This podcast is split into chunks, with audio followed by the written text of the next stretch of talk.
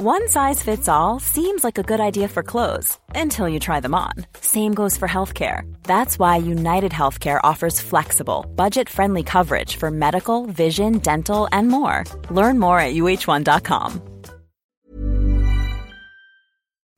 Hans Petter Co. presenteres av TrippelTex, det skybaserte økonomisystemet som gir store og små virksomheter full oversikt over økonomien.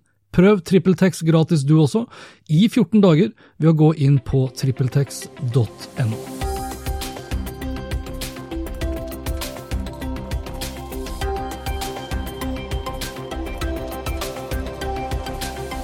I denne episoden så får du annet høre mer om at butikkene dør, og det er kanskje vår feil. DAB var kanskje ikke fremtidens radio likevel, og syv av ti nettsteder med falske nyheter finansieres av Google. Iallfall på en måte. Velkommen til Hans Petter og co. Jeg heter Hans Petter, og denne episoden ble spilt inn onsdag 13.11. Lenker til alt jeg har snakket om, og øvrige innslag finner du på hanspetter.info. Når skal norske virksomheter akseptere og forstå at det digitale er en del av hverdagen og ikke bare en mulig trend?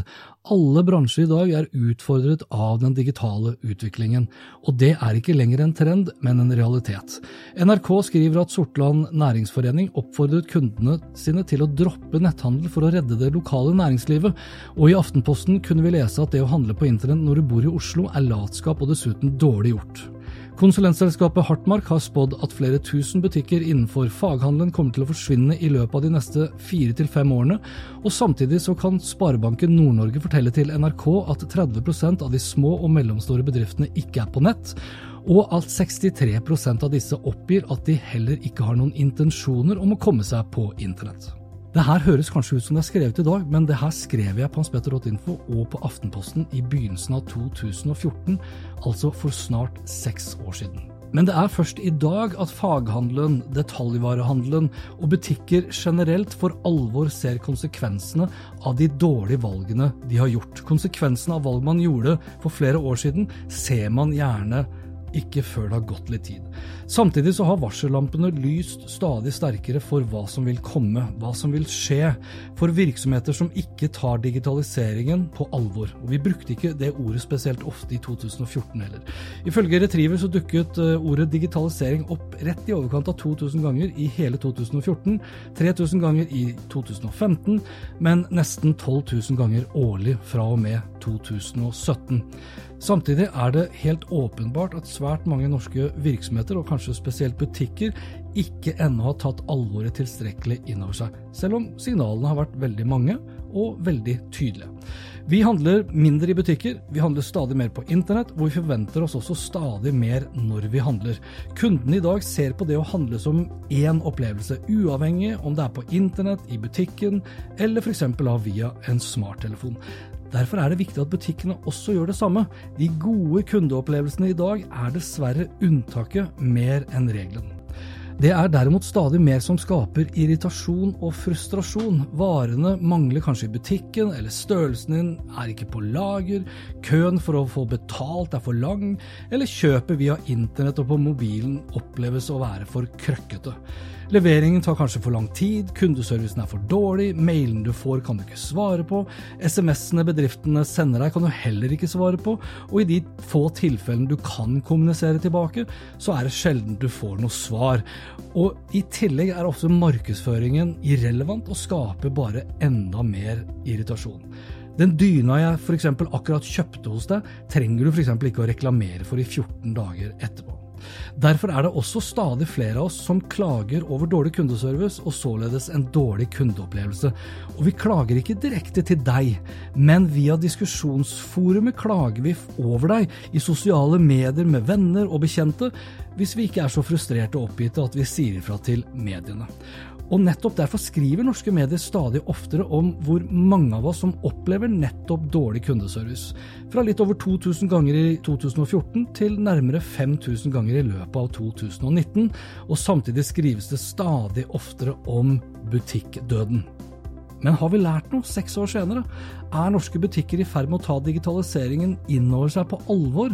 Innover seg på alvor for å skape unike kundeopplevelser på internett, i den fysiske butikken eller mobilen? Det ser jo ikke slik ut. De fleste norske nettbutikkene i dag har fryktelig mye å gå på når det kommer til selve opplevelsen av det å handle på nett. Dataene som de får av deg og meg, blir sjelden eller aldri brukt til å tilpasse opplevelsen til den enkelte. Bestiller jeg en flyreise fra Trondheim til Oslo, sender gjerne SAS meg en e-post for å gi meg tips om min reise til hovedstaden, selv om de vet at jeg har bodd i Oslo siden jeg ble SAS-kunde i 1995. Altså Basic programmering her kunne løst det her, f.eks. da som If adressen til Hans Petter equals Oslo, then do not send this email. Jeg har handlet klær kun til meg selv med min mannlige profil på Zalando, men har siden 1.8 i år fått e-poster som frister meg med kjoler basert på min personlige stil, og til tross for at jeg har handlet hos Komplett siden de etablerte seg i 1996, så er forslagene om hva jeg bør handle, identiske med dine. Ingen personalisering, ingen utnyttelse av dataene. Og Det samme gjelder også de fysiske butikkene. Jeg er en typisk gjennomsnittsnordmann som har størrelse 32 i livet når det kommer til bukser, størrelse 42 i skostørrelse, og så bruker jeg stort sett størrelse 50 i dress. Jeg er 180 cm høy, midt på treet der altså. Og det er tydeligvis veldig mange andre også. Derfor er det nesten alltid disse størrelsene som mangler når jeg kommer inn i en butikk. Her bør butikkene for alvor bruke igjen de dataene de får fra hvilke varer som har høyest omløpshastighet, og bestille flere varer av det de selger mest av, og mindre av det de selger mindre. Men det gjør de ikke. I stedet for så kan vi da seks år senere lese om de samme advarslene, de samme unnskyldningene, de samme begrunnelser for hvorfor butikkene sliter. Klassekampen skriver 13.11 at butikkdød og netthandel kostet 2600 jobber i fjor. Fagforeningen Handel og Kontor forventer at 30 000 jobber vil ryke de neste ti årene. Lokalavisen Raunes på Årene skriver 12.11 at de frykter butikkdød og oppfordrer til lokal handel. Netthandelen er en trussel som gjør at stadig flere butikker må stenge dørene. Samtidig kan vi lese at halvparten av norske butikker også leverer røde tall. Det er typisk oss mennesker å ta æren selv når noe går bra, og så skylde på andre når noe går galt. I Saltenposten 2.11 kan vi lese at det er manglende gratisparkering som får skylden for at butikkene dør ut én etter én, mens i Bergensavisen 4.11, ja da er det bompengene som får skylda. Og 5.11 kan vi lese i Romerikes Blad at eh, de fysiske butikkene kun kan overleve hvis de ansatte slutter slutter å plage kundene sine. Teknologiutviklingen kommer ikke til å stoppe opp. Digitaliseringen i seg selv er ingen destinasjon, men en evig reise hvor formålet er å bruke teknologien for å gjøre mer med mindre, raskere og billigere og smartere. Norske bedrifter og butikker må utnytte teknologien for at virksomheten skal fortjene livets rett. Å være bærekraftig det er rett og slett fåfengt å tro at man kan overleve ved å plassere dårlig samvittighet over på oss forbrukere. En stor konsekvens av dagens digitale hverdag er at du og jeg har internett med oss hele tiden, og den datakraften og de mulighetene som ligger bokstavelig talt i hånda vår, har ført til at vi krever og forventer stadig mer.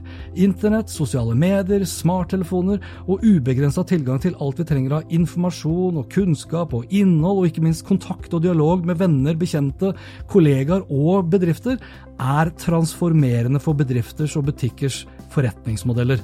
Ingen lar seg i dag lenger imponere, men svært mange er veldig irriterte. Og det de er irriterte over, er dårlige kundeopplevelser på internett, i butikkene og på mobilen, og nettopp slik blir det butikkdød av. Om litt så skal du få høre litt mer om DAB-radioen som aldri kommer til å bli en suksess, og om Google som finansierer falske nyheter, men først det her.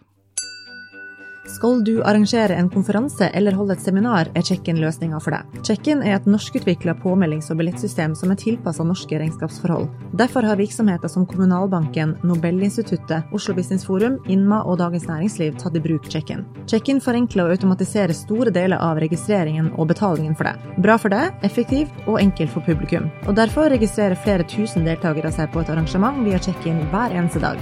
Check-in løser også innsjekk ved at de sender ut SMS-billett med QR QR-kode som skannes, og navnelapp skrives ut automatisk. Gå inn på checkin.no slash hanspetter nå, så kan du teste ut check-in helt gratis.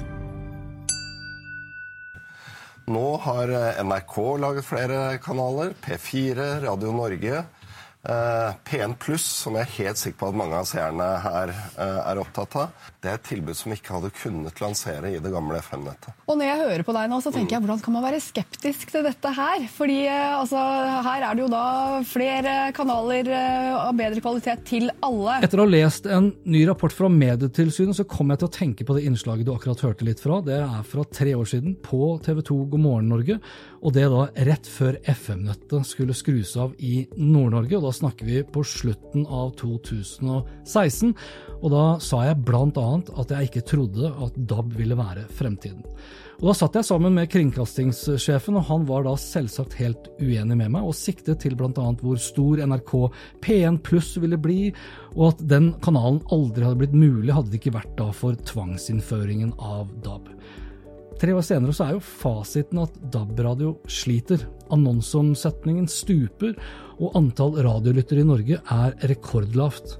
Og antall nordmenn som hører på NRK P1 pluss, bare sånn for ordens skyld, daglig, det er på fattige 3% Jeg påstår på min side at et større radiotilbud ikke ville føre til at vi hørte på flere kanaler, for radio er mest av alt en slags bakgrunnsstøy, en slags gjest, en virtuell gjest i huset, eller i bilen, og det faktum at gamle vaner er som kjent vonde å vende. Og denne rapporten da fra Medietilsynet som ble lagt frem her forleden dag, den viser at veldig mange radiokanaler har røde tall, og årsaken er DAB-innføringen. Og Samtidig så vokser jo konsumering av innhold på mobil, og ikke minst over internett. Og det er før vi har fått på plass 5G. Altså Tor Gjermund Eriksen, kringkastingssjefen i NRK, han var svært sikker også i sin sak da han til Medier24 kom med følgende bastante påstand. Det er ingen tvil om at DAB fører til et bedre radiotilbud, og de som sier noe annet, de snakker mot bedre vitende. Ja, det kan jo være at tilbudet har blitt bedre, men det er i hvert fall ikke så veldig mye som tyder på at det er så mange som bryr seg om det, og aller minst de yngste, som tross alt fremtidens radio burde vært laget for. Statistisk sentralbyrå kunne tidligere i år slå fast at særlig barn, men også ungdommer, hører i mindre grad på radio enn de voksne, og i aldersgruppen 9 til 12 år ja, så er det bare 22% som hører på radio i løpet av en gjennomsnittsdag. Og det virker heller ikke som de er aleine om å høre på mindre radio i dag enn før. Nettavisen, som da også refererte til Medietilsynets eh, ferske rapport, de spurte da i den artikkelen sine lesere om de hører på mindre radio i dag enn før DAB-overgangen. Og selv om ikke det er et representativt utvalg, på ingen som helst måte, så svarer altså da over 12 000, ni av ti, at de da hører på mindre radio i dag enn før DAB-overgangen. I forrige uke så ble det også kjent at RTE, som er det irske svaret på NRK, også velger å droppe DAB. Det eneste landet i verden, i hvert fall slik det ser ut som, som vil følge etter Norge, er Sveits, som sier de vil stenge FM-nettet.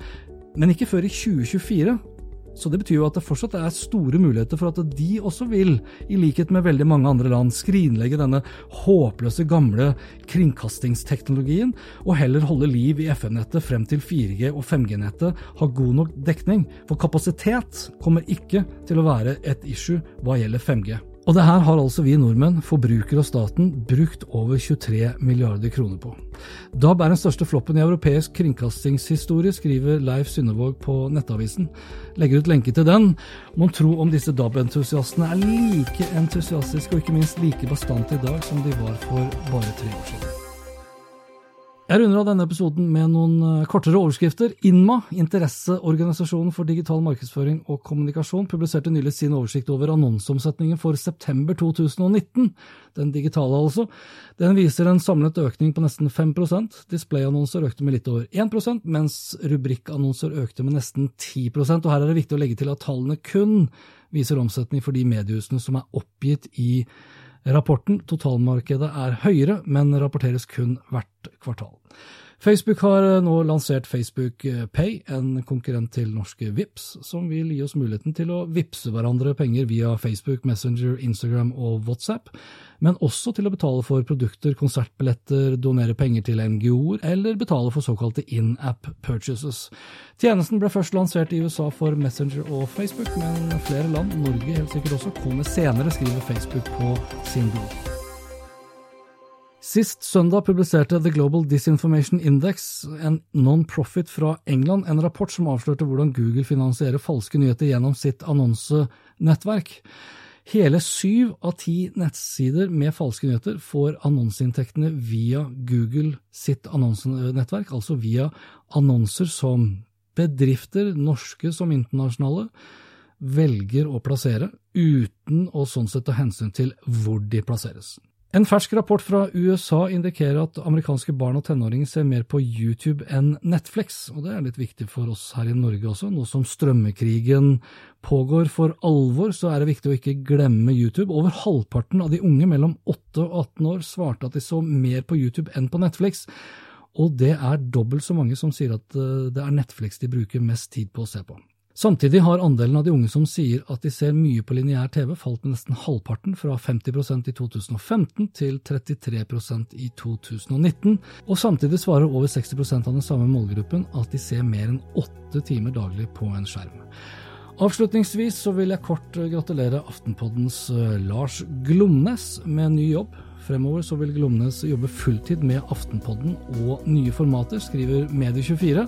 Kampanje skriver 13.11 eh, at NRK også kaster seg inn i den daglige nyhetskampen på podkast, og har ansatt Ragna Nordenborg som programleder.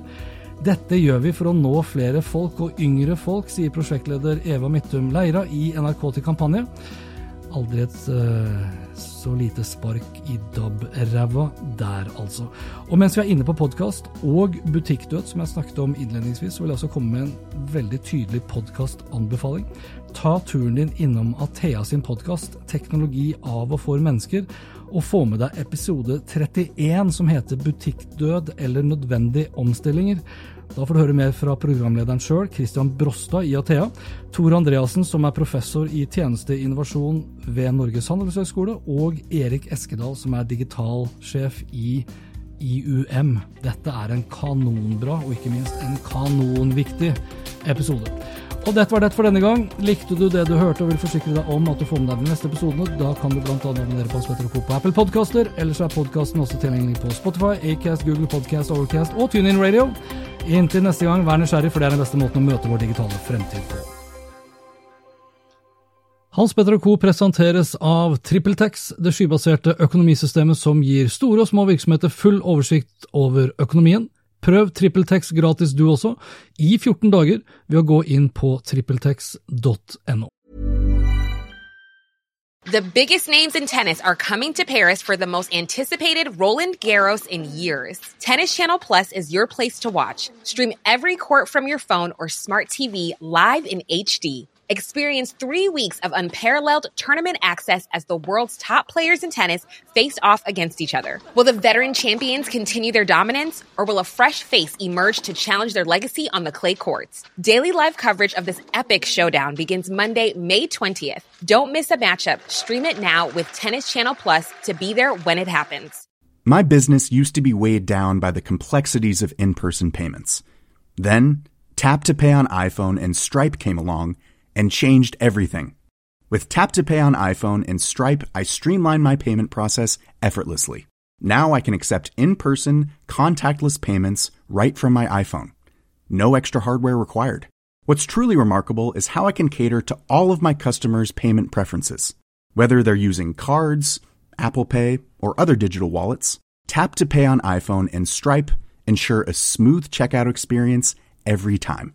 And it's not just me. Stripe helps businesses of all sizes, from local markets to global retailers, scale quickly and stay agile. To learn how Tap to Pay on iPhone and Stripe can help grow your revenue and reach, visit stripe.com/tapiphone.